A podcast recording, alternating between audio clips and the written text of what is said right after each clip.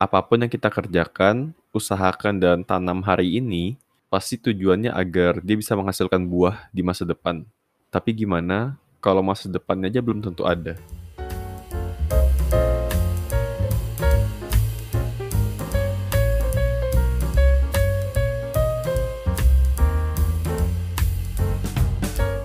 Sekarang tanggal 19 September 2021.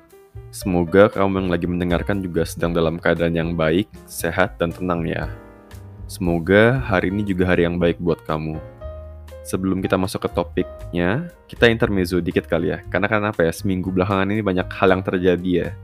Salah satu yang terbaru adalah timnas badminton putra kita berhasil menjuarai Thomas Cup untuk ke-14 kalinya sekaligus membuat Indonesia bertahan jadi pemenang terbanyak ya. Jadi congratulations untuk timnas badminton putra kita atas pencapaiannya di Thomas Cup. Terus juga buat timnas badminton putrinya karena udah mencapai perempat final ya di Uber Cup.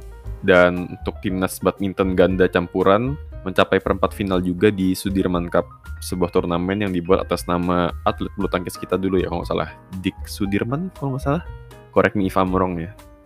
Nah cuman yang disayangkan kan seperti yang aku sudah cerita di minggu lalu ya, Indonesia kena penalti atau sanksi dari WADA, World Anti-Doping Agency, karena kelalaian Kemenpora dan LADI atau Lembaga Anti-Doping Indonesia yang membuat akhirnya bendera Indonesia kemarin gak bisa berkibar gitu.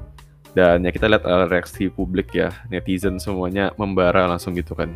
Apalagi kemarin juga ada sempat kabar ya, katanya si apa Menteri Olahraga kita mengira duo Fajar Alfian dan Rian Ardianto itu duo baru gitu. Padahal ketika mereka sebenarnya tuh udah ranking 7 dunia gitu untuk kategori ganda putra ya, ranking 7 dunia guys. Jadi kayak apa ya? Agak lucu sih sebenarnya sih kemarin tuh waktu lihat beritanya ya. Oh, satu fun fact juga, setelah ditelusuri sebenarnya ke mana aku coba baca-baca, tapi correct me if I'm wrong ya. Katanya kemarin itu ketika WADA ngasih teguran atau penalti ke Indonesia itu sebenarnya masih ada kesempatan untuk memperbaiki selama 21 hari atau 3 minggu. Tapi gak tau gimana ceritanya itu nggak terjadi juga gitu. Kadang gemes ya hal-hal kecil yang kayak administratif atau apa gitu jadi kendala gitu. Small mistakes tapi impactnya besar gitu. Dan satu lagi yang rame, sebenarnya udah cukup lama juga ramenya, apa ya, sesuatu yang penuh pro kontra, yaitu tentang Formula E atau apa bacanya? Formula E. Kalau bahasa Inggris ya, agak aneh ya Formula E gitu sebuah kompetisi mobil balap satu kursi mirip kayak F1 tapi khusus untuk mobil listrik ya kalau nggak salah.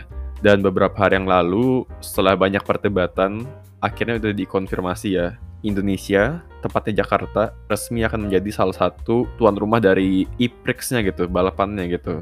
Disampaikan langsung lewat sebuah video oleh salah satu petingginya lah, gitu, petinggi penyelenggaranya dan kalau lancar katanya akan menjadi bagian dari Grand Prix-nya di bulan Juni tahun depan. Berarti sekitar 8 bulan dari sekarang. Walau fun fact katanya sampai sekarang itu belum ada track fix-nya ya. Di mana gitu. Di Jakarta sih iya gitu. Tapi di mananya belum ada yang tahu gitu. Jadi 8 bulan belum nentuin tracknya di mana, belum persiapannya, belum kalau ada perlu perbaikan apa ya, peningkatan kualitas aspal gitu sesuai standar kayak ya I don't know gitu dan salah satu alasan kenapa ada Formula E ini kan karena mencoba meningkatkan awareness ya tentang kendaraan listrik katanya atau hybrid untuk menurunkan emisi karbon di bumi yang menjadi salah satu penyebab global warming. Ai, gokil ya. Tiba-tiba ada bridging nih ke topiknya gini. Gini nih, kalau apa? Orang amatiran ya. Ketika bisa bridging halus, langsung senang sendiri gitu. Tapi gue perlu ngomongin dulu di awal ya. Pembahasan tentang climate crisis atau krisis iklim ini bakal gue buat jadi beberapa bagian nanti gitu. Jadi kayak semacam series gitu. Karena gue takutnya kalau digabung itu kepanjangan banget gitu. Ya elah alasan ya. Padahal karena nggak sempat aja tuh nyelesain risetnya gitu. Gak deng gak deng. Tapi memang kalau digabungin juga bakal padat banget kan. Nah, di episode ini kita spesifik ngebahas tentang dasar-dasarnya climate crisis ya, tentang isunya, dasar-dasar isunya gitu. Jadi kayak gambaran besarnya apa gitu dan kenapa dia bisa menyebabkan disaster atau bencana nantinya. Yang mana menurutku sesuai judul series ini itu bisa lebih mungkin berbahaya in a way bahasanya gitu daripada pandemi yang kita hadapi selama setahun belakangan ini. Dan kayak yang episode teman bercerita bareng Erika, dia adalah orang pertama yang menyadarkan aku tentang masalah ini. Dan dari situ dari 2019 sampai sekarang itu apa ya jadi punya interest untuk makin mendalami topiknya gitu. Dan permasalahannya dan mikir apa yang bisa gue lakuin untuk bisa bantu menyelesaikan masalah ini yang pasti menulis untuk episode ini sebenarnya ngebantu gue juga untuk menggabungkan apa ya informasi yang gue udah baca, tonton atau dengerin dari berbagai sumber yang berhubungan sama climate crisis gitu. Yang selama ini apa ya, istilahnya mungkin berhamburan gitu ya. Tapi dengan ngebuat series ini itu mulai bisa nge, apa ya digabungin, jadi mulai bisa apa ya ngingat masalahnya apa gitu. Jadi kayak mulai dirajut satu persatu gitu. Nah di pembahasan climate crisis ini gue ngumpulin informasi dan referensi dari hal-hal yang sering gue tonton dan baca. Dan untuk buku sendiri itu ada dua ya yang mungkin gue rasa major berpengaruh gitu. Yaitu The Uninhabitable Earth buku tahun 2019 dari David Wallace Wells seorang jurnalis yang sering ngebahas tentang climate change juga sebenarnya. Udah lama dia ngeliput tentang climate change gitu akhirnya jadi buku. Apa ya bukunya kalau diterjemahin secara harafiah agak kepanjangan sih sebenarnya. Bumi yang tidak dapat dihuni gitu. Agak panjang gitu dan buku kedua, kalau yang tadi itu tahun 2019, yang kedua ini adalah buku tahun 2021, buku tahun ini, yaitu How to Avoid Climate Disaster dari Bill Gates. Yes, si penemu Windows itu. Dia buat buku tentang How to Avoid Climate Disaster dan dua buku ini apa ya menjadi acuan utama dari hal-hal yang akan aku bicarain gitu. Karena menurutku mereka udah ngeliput apa ya cukup banyak poin-poin yang perlu orang tahu gitu. Nah sebelum mendalami permasalahannya, gue akan mulai dengan hal yang paling kecil, dengan hal yang paling sederhana dan sesuai tema nyerah serasa ya, yaitu kenapa gue resah dengan climate crisis. Ngapain sih peduli banget sama climate crisis gitu kan? Ngapain sih mikirin lingkungan? Udah hidup mah hidup aja gitu ya. Mungkin ada yang penasaran juga gitu kan, kenapa gue resah tentang hal ini? Jawabannya, karena gue punya mimpi atau tujuan yang ingin gue capai di masa depan. Betul, alasan awal gue resah sebenarnya mungkin agak apa ya selfish agak egois ya. Karena lebih apa ya bersifat lebih ke dalam diri gue sendiri gitu. Tapi gue cukup yakin gak cuman gue yang punya mimpi atau tujuan yang ingin dicapai di masa depan. Gini gue juga apa ya soalnya gini gue juga bukan orang yang berangkat dari seseorang yang peduli lingkungan ya awalnya ya dari kecil sih kita diajarin ya hal-hal kecil kayak kalau buang sampah ya di tempatnya. Dari SD kita diajarin ada fenomena global warming gitu. Tapi nggak pernah kepikiran apa ya pingin tahu lebih dalamnya gitu seperti apa masalahnya. Sampai gue sadar gimana dia sangat berpotensi mengancam mimpi atau tujuan gue di masa depan tadi. Well dia nggak langsung ngancam mimpinya sih ya sebenarnya. Tapi gini gue percaya semua orang punya mimpi atau tujuannya sendiri-sendiri ya. Sadar nggak sadar gitu kita coba ambil yang umum aja ya kayak kita pingin bahagiain orang tua pingin punya uang yang mencukupi kebutuhan pingin punya keluarga sendiri, pingin keliling dunia, pingin bikin karya atau bangunan yang nanti bisa apa ya kekal di berbagai zaman gitu, terus diingat karya-karyanya, pingin bisa hidup lebih baik dari generasi sebelumnya, pingin ngeliat anak kita bahagia, pingin ngeliat cucu bahagia, pingin punya rumah yang cukup gitu, pingin punya macam-macam bisnis, pingin terkenal mungkin, pingin bisa bersantai di hari tua dan lain-lain lah gitu. Ini aku cuma mencoba menyebutkan apa ya, yang paling umum aja ya, tapi pasti ada juga mimpi-mimpi yang lebih spesifik itu per orang gitu. Tapi apa pun mimpinya, minumnya tetap teh botol sosro. Lah, canda lagi bercanda lagi di saat kayak gini. Ini canda aja ya, intermezzo biar gak tegang banget gitu. Cuman apa pun mimpinya, semua mimpi atau tujuan tadi itu kan berhubungan sama masa depan. Atau apa ya, bisa dibilang akan terjadi di masa depan kan. Sekalipun buat orang yang mungkin masih belum tahu mimpi atau tujuannya itu apa ya yang ingin dicapai gitu atau memang cuman just go with the flow gitu tapi intinya, apa pun yang kita lakukan hari ini, semua usaha, semua kerja keras kita di hari ini, pasti adalah sebuah harapan untuk kita bisa hidup lebih baik lagi kan di masa depan gitu.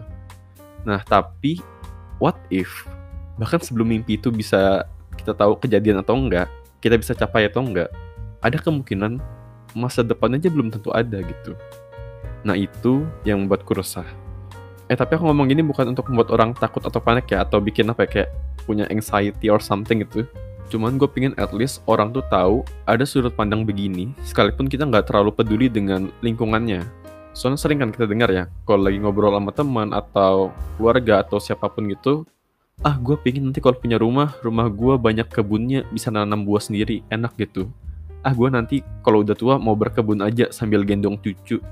Ah nanti kalau anak gue lahir, gue mau kasih dia kesempatan untuk explore apa yang dia suka sendiri. Gue pingin deh bawa orang tua gue keliling dunia gitu jalan-jalan lah gitu pokoknya. Gue mau anak gue harus bisa lebih sejahtera dari gue nantinya. Gue pingin kalau nanti sudah punya kondisi finansial yang stabil bisa bantu-bantu orang yang membutuhin gue pingin nanti ketika udah cukup tua bisa buat pameran untuk karya-karya gue dan sebagainya. All of that dreams gitu kan. Tapi what if? Masa depan aja belum tentu ada gue nggak tahu sih ya apa yang bakal kalian rasakan atau pikirin setelah mendengarkan jawaban gue atas pertanyaan kenapa gue resah dengan climate crisisnya gitu dan itu adalah titik awalku kenapa pengen mendalamin hal ini gitu pengen mempelajari lebih lanjut gitu dan setelah dipelajari lebih lanjut berasa makin sadar ini lebih dari sekedar mimpi pribadi gue tadi gitu. Misal aja ya, kayak keresahan kenapa kayak kampung halaman gue sama Rinda semakin sering banjir gitu. Walau cuma hujan kecil, banjirnya gede gitu. Kenapa ada banjir musiman di Jakarta? Kenapa ada kebakaran hutan lebih sering terjadi kayak di Kalimantan, Sumatera, California gitu kan, di Australia juga gitu. Tapi kita coba keep it simple aja dulu ya. Jadi walaupun ada alasan A, I, U, E, O tadi itu semua, kita ambil yang paling dasar aja, yang paling dekat dengan kita, yaitu adalah karena si climate crisis itu bisa mengancam masa depan yang mungkin menjadi rumah dari mimpi-mimpi kita tadi gitu. Gue sengaja ngomong ini di awal karena gue nggak tahu apakah orang bakal mendengarkan sampai habis atau enggak gitu episode ini gitu. Tapi setidaknya dasarnya, dasar keresahannya itu udah apa ya, udah sampai gitu, udah keluar gitu. Dan semoga masih ada yang mau dengerin sampai akhir ya. Nah, seperti di awal tadi, series intro tentang climate crisis ini bakal gue bagi jadi beberapa bagian dan di episode ini kita spesifik ngomongin tentang all the basic thing we should know gitu. Hal-hal dasarnya, gambaran besarnya lah gitu. Gue akan mulai dengan angka, yaitu adalah 51 miliar. Itu angka pentingnya saat ini, 51 miliar. Tapi bisa berubah juga ya suatu saat ya gitu. 51 miliar itu adalah jumlah ton rata-rata greenhouse gases atau gas rumah kaca yang kita tambah ke atmosfer per tahunnya gitu tenang, gue akan mencoba menjelaskan ini sesederhana mungkin ya, biar mudah dipahami. So, so bear with me, oke? Okay? Gue akan mencoba supaya mudah gitu, semua orang bisa paham. Nah, untuk menghindari climate crisis dan semua bencana yang mungkin datang dengannya, kita perlu bisa menurunkan angka tadi secara berkala dan kalau bisa nyentuh sampai angka 0. Mungkin terdengar susah ya, dari 51 miliar ton, itu kan nolnya berapa tuh miliar kan, udah banyak tuh. Dia harus sampai ke angka 0 gitu kalau dibayangin tuh kayak apa ya? Ada seorang kaya punya tabungan 51 miliar di rekeningnya, terus suatu saat dia harus buat itu sampai habis gitu. Nah, bahkan si Bill Gates, even kalau Bill Gates dia percaya kita harus gitu, bukan mencoba untuk nyentuh angka nol lagi, tapi kita harus mencapai nol kalau menurut dia gitu. Jadi nggak sekedar mengurangi aja. Karena buat dia, analoginya tuh kayak gini. Kayak ada apa ya, sebuah bathtub yang diisi pakai air. Nah, airnya ini adalah 51 miliar ton gas rumah kaca tadi ya. Nah, seandainya kita bisa buat debit air dari kerannya itu makin kecil, pada akhirnya bathtubnya juga bakal tetap penuh kan. Walau akan makan waktu lebih lama gitu. Jadi lebih mundur aja gitu. Itu kenapa uh, menurut dia kita perlu bisa mencapai angka nol tadi gitu nantinya. Jadi apa ya, istilahnya bukan cuma memperpelan air yang keluar dari kerannya, tapi buat kerannya nggak ngeluarin air lagi gitu suatu saat, supaya si bathtubnya nggak kepenuhan. Dan kenapa judul series itu Climate Crisis More Than Pandemic gitu? Karena apa yang kita lihat ketika pandemi COVID ini terjadi kan apa ya, banyak yang kehilangan, baik itu dari orang-orang terdekat kita, dari secara finansial, ekonomi, macam-macam gitu, semuanya semuanya kena dampak deh gitu pokoknya, semua yang ada di dunia gitu dan sebenarnya pun pas ditelusuri ya tentang pandemi itu sudah banyak sebenarnya kan yang apa ya ahli-ahli yang udah memprediksi salah satu ancaman buat bumi itu adalah pandemi global gitu. Karena secara global itu kurang apa ya? Ada sistem atau strategi penanganan pandemi secara kooperatif gitu. Jadi kayak apa? Secara globalnya gitu, skala global itu gimana gitu. Jadi udah dikasih awareness, sudah banyak yang mulai prediksi, tapi nggak banyak yang melakukan sesuatu tentang itu. Dan menurutku it's the same thing dengan si climate crisis ini gitu. Kita udah bisa prediksi thing will go bad gitu in the future if we don't do anything at this moment gitu. Dan ketika kita nggak ngelakuin apa-apa di saat kita udah tahu bakal ada konsekuensi itu di masa depan, tentu bakal lebih banyak lagi kehilangan atau berita duka lagi gitu. Dan itu mungkin bisa berkali-kali lipat dari apa yang kita rasa di masa pandemi itu. Dan sama, lagi-lagi di saat ini kita punya kesempatan untuk apa ya, prevent dari jauh-jauh hari gitu, sebelum hal itu terjadi. Nah, kita coba masuk lebih dalam lagi ya, soal dasar-dasar dari climate crisis itu apa gitu. Kenapa yang kita pedulin itu 51 miliar ton gas rumah kaca tadi? Karena gas-gas yang tergolong di dalamnya, si gas rumah kaca ini itu punya ciri khas satu. Mereka suka menangkap panas. Oke, ini mulai ada bumbu kimianya dikit ya, tapi bear with me. gue bakal buat ini simpel gue janji pokoknya ini bakal sesimpel simpel mungkin nah gas rumah kaca ini ketika mereka udah sampai ke atmosfer nih jadi dari bumi nih terbang nih ke langit sampai di atmosfer mereka nongkrong di sana mereka tuh suka nongkrong gitu. Kayak nyaman aja gitu atmosfer buat mereka itu gitu. Nah ketika mereka udah sampai di sana itu nongkrongnya lama tapi kayak si karbon dioksida yang kita sering dengar CO2 itu kalau nongkrong bisa sampai 10.000 tahun tuh. Itu uh lama sekali kan nongkrongnya ya. Sampai bosan-bosanan itu. Nah karena mereka nongkrongnya lama panas yang mereka tadi ikat panas yang mereka tangkap tadi itu juga nggak ke mana-mana kan akhirnya kan. Itu nyebabin bumi makin panas atau istilah orang global warming gitu trivia dikit ya mungkin ada yang penasaran kenapa mereka disebut gas rumah kaca ya dan enggak, mereka bukan gas-gas yang keluar dari rumah kaca sebenarnya sih. Tapi karena mereka punya sifat yang kayak rumah kaca. Rumah kaca itu kan sebenarnya sama ya, prinsip dasarnya adalah mereka menangkap panas gitu. Karena rumah kaca itu rumah untuk tanaman ya biasanya gitu kan. Jadi perlu kaca semua biar cahaya bisa masuk, tanaman bisa fotosintesis gitu. Nah karena dia kaca semua, akhirnya panas gitu kan. Atau mungkin biar lebih mudah bayanginnya gini, kayak misal uh, ini bayangin ya di suatu siang hari kita lagi berada di dalam sebuah mobil yang sedang parkir tanpa nyalain AC mobilnya gitu. Gak tahu sih ngapain gitu. Gabut mungkin atau lagi nunggu teman yang janji jam 10 tapi 10.15 masih belum OTW gitu kan. Nah intinya ketika kita dalam mobil yang lagi parkir itu di tengah siang tanpa AC pasti pasti ngerasa panas dalam mobil itu. Mateng pasti. Kenapa? Karena mobil kan tuh kaca semua juga kan kelilingnya kan. Nah kaca mobil itu ngasih kita cahaya matahari untuk lewat kan dari dalam terang gitu. Tapi cahaya matahari ini juga ngebawa panas kan sebenarnya kan. Nah si kaca mobil itu punya sifat nangkep panas juga gitu. Nah tapi panas ini cuman di dalam mobilnya kan. Ketika kita buka pintu untuk keluar, sepanas apa pun di luar itu tetap akan lebih sejuk dibanding di dalam mobil tadi gitu. Nah itu contoh sederhana efek rumah kaca. Gue nggak tahu contoh apa lagi yang mungkin bisa lebih mudah untuk ngasih gambarannya ya gitu. Jadi, greenhouse gases ini bukan gas yang dihasilkan oleh rumah kaca, tapi gas yang punya sifat seperti rumah kaca. Karena dia punya hobi menangkap panas gitu. Dan kalau ada yang nanya kenapa gas ini suka nangkap panas, jawabannya itu apa ya? Sesuatu yang berhubungan sama fisika gitu yang pokoknya molekul itu suka bergetar semakin cepat dia makin panas dia akhirnya karena panas suka ngeblok radiasi makanya dia nangkap panas tadi itu gitu dan ini cuma terjadi sama gas-gas yang punya lebih dari satu jenis atom. Kayak karbon dioksida CO2 karena ada karbon ada oksigennya. Nah itu dia punya kecenderungan untuk nangkep panas tadi gitu. Ada metana gitu CH4 karbon dan hidrogen gitu kan. Jadi dia bisa nangkep panas juga. Tapi kalau gas yang molekulnya satu jenis kayak oksigen, oksigen kan O2 gitu. Nah mereka bakal ngebiarin panas tuh ngelewatin mereka gitu. Jadi gitu kuliah ekspres kimia dan fisika kita hari ini. Waduh, btw gue nggak jago di bidang ini ya gue gue buruk banget kimia pokoknya deh waktu SMP SMA tuh gue buruk kimia pokoknya nih. Ini gue cuman karena gue baca dari ahli-ahlinya aja gitu udah lebih mudah bacanya gitu udah sederhana mereka udah nyimpulin gitu.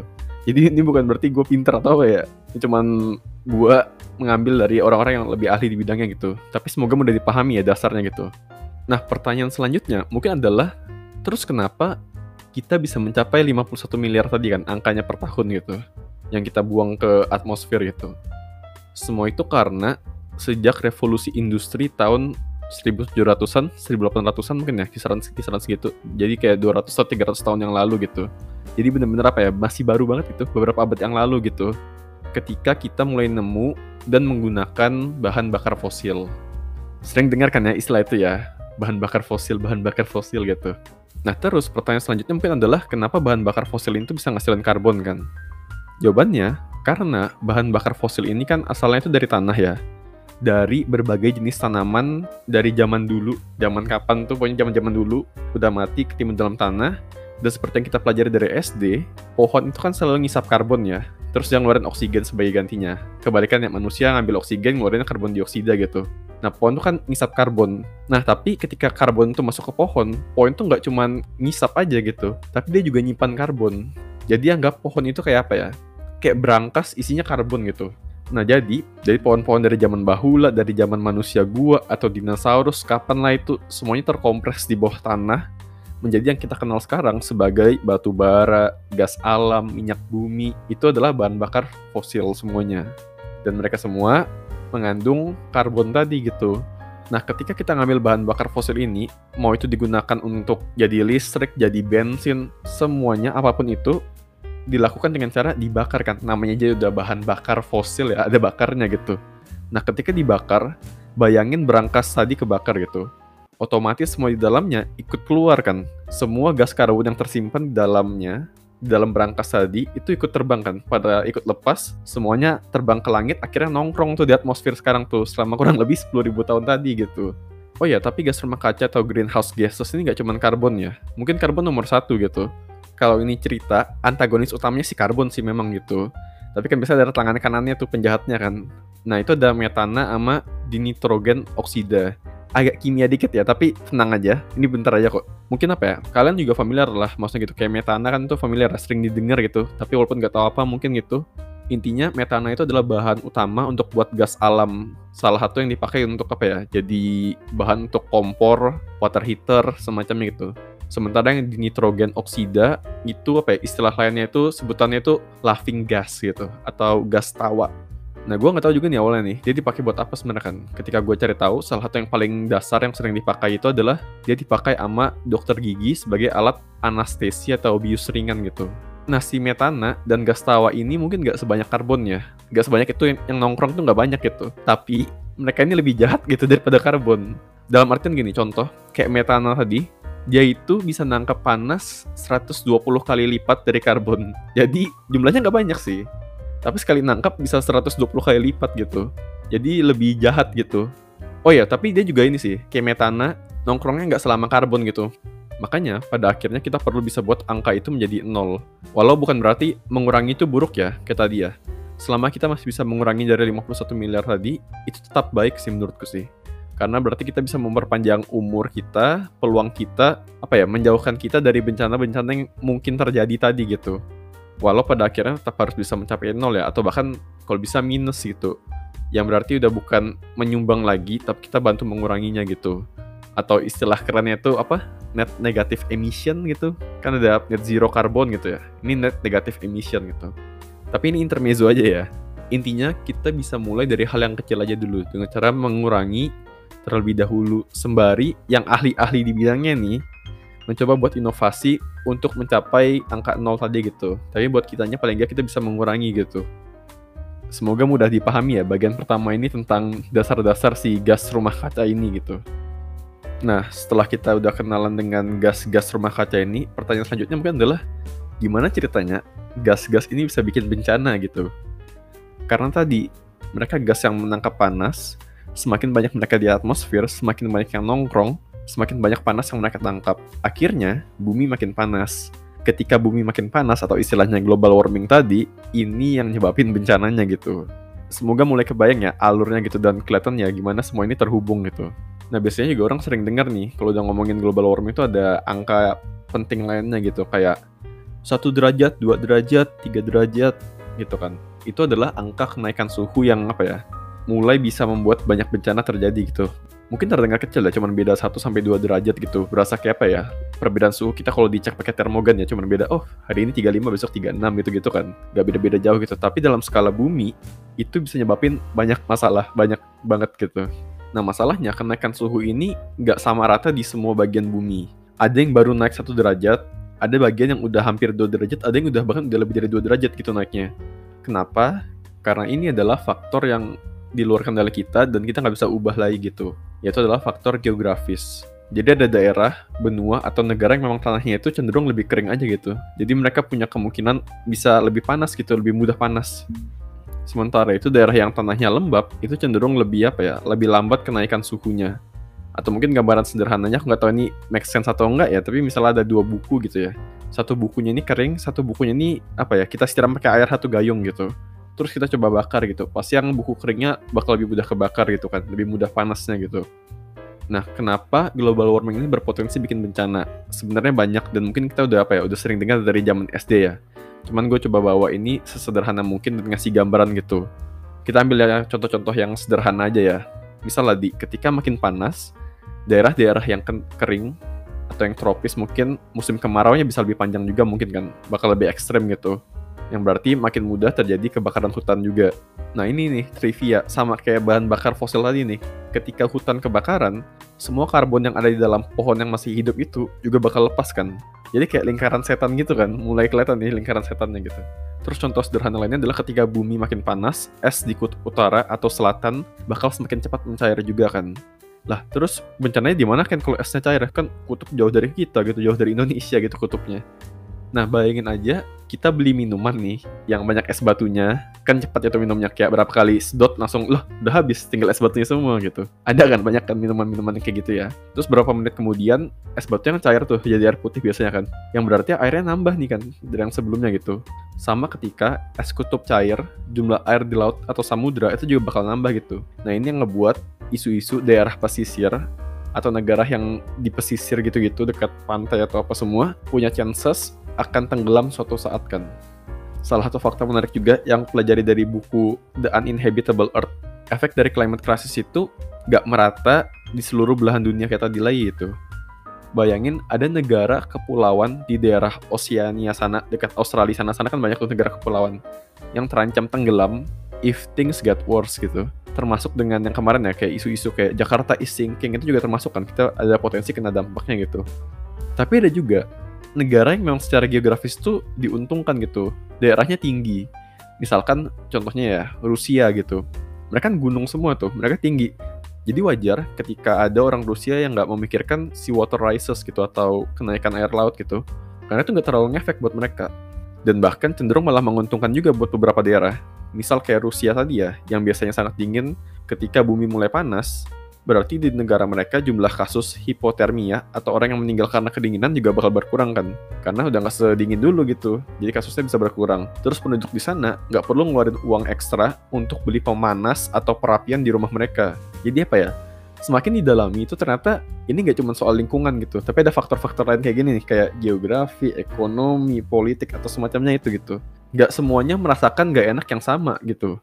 Apa ya? Ketika nggak rata efeknya akan lebih sulit untuk bisa kooperatif kan. Contoh lain dari akibat global warming adalah melelehnya sesuatu yang namanya permafrost. Gue nggak tahu kalian familiar atau enggak dengan permafrost. Gue jujur baru tahu juga tahun lalu kalau nggak salah. Ada yang namanya permafrost. Permafrostnya adalah lapisan tanah beku yang udah dari zaman lalu-lalu juga nih sama nih. Udah terkubur lama gitu. Semua sisa makhluk hidup dari zaman kapan itu semuanya ada di situ gitu. Di bawah tanah beku mereka sekarang gitu. Jadi kalau dia sampai meleleh, semua gas rumah kaca di dalamnya juga bakal kerilis lagi tuh.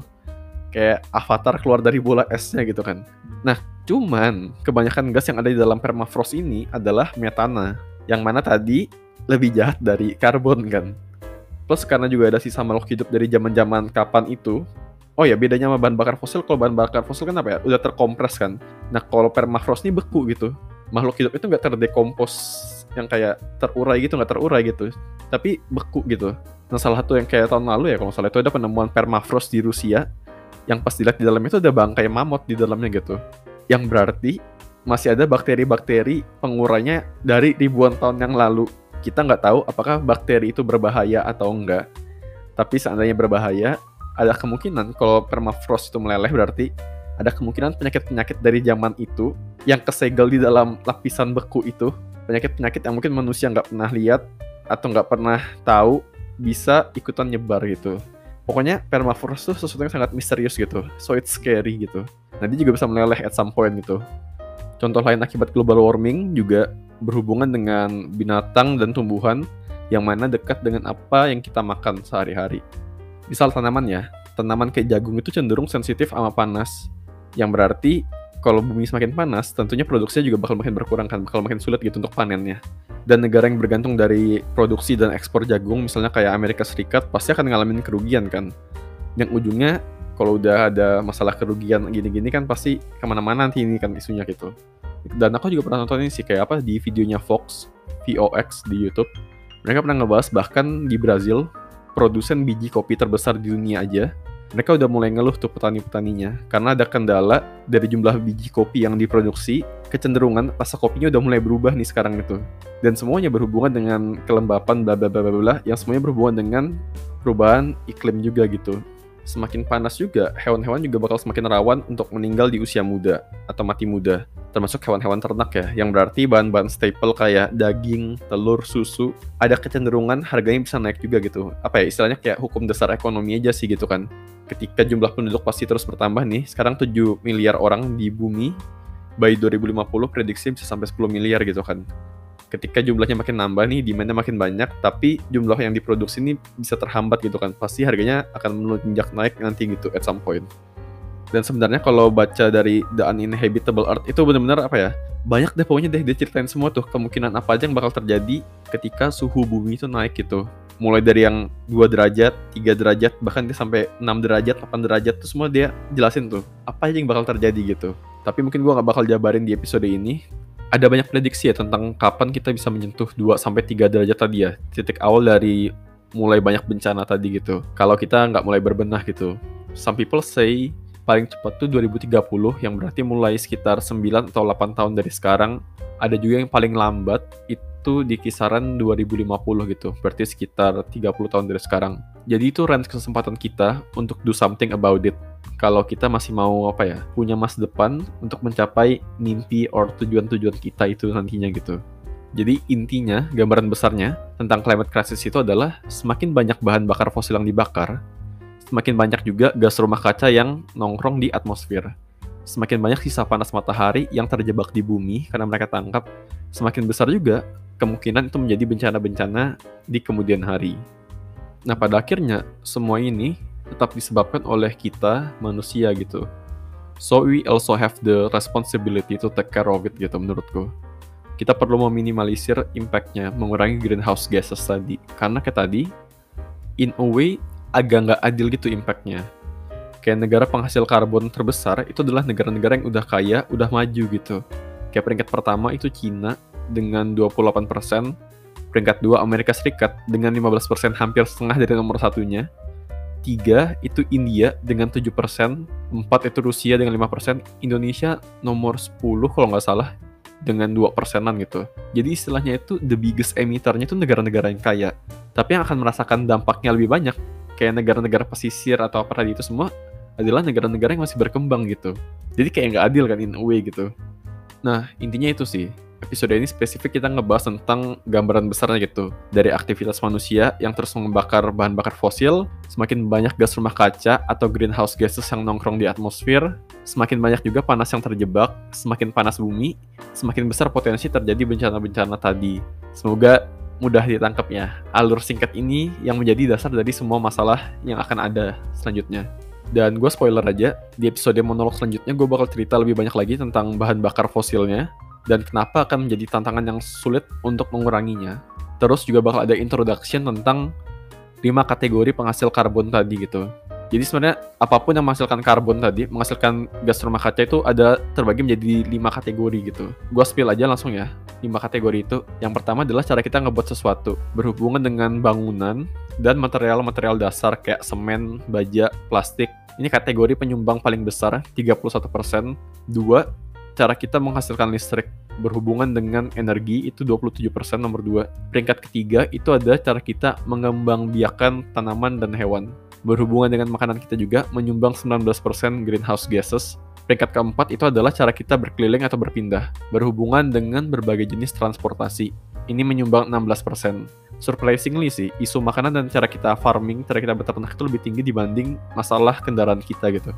Dan kategori terakhir dan peringkat kelima adalah cara kita menjaga hangat atau dingin. Berhubungan dengan hal-hal seperti AC, heater, itu menyumbang 7%. Jadi setelah episode bahan bakar fosil nanti, kita bakal bahas setiap kategori ini satu persatu dan apa yang kita bisa lakukan gitu untuk mencoba mengurangi di setiap sektornya. Dan gue di sini bukan bermaksud menggurui ya, cuman gue memang apa ya punya interest dengan topiknya dan ini memang salah satu keresahan terbesar gue Semoga episode atau series ini nggak berkesan apa ya, jadi kayak kuliah gitu ya sebenarnya. Dan gue bukan ahli di bidang ini ya, tapi karena gue concern, gue mencoba mendalami dan selama ini infonya tuh berantakan aja di kepala gue gitu. Jadi bersamaan dengan series ini, gue mencoba ngerapiin lagi, plus ngebagikan gitu.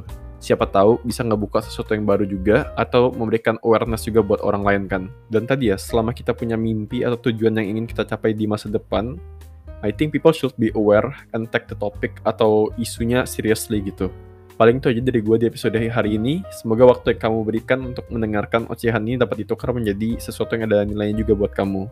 Terakhir, karena rasa-rasa ini adalah wadah untuk orang membagikan apa yang ada di kepala mereka, baik itu ide, opini, atau keresahan. Kalau misalnya ada yang ingin kalian ceritakan, jangan segan untuk menghubungi, entah itu lewat DM di Instagram atau mau anonim juga boleh.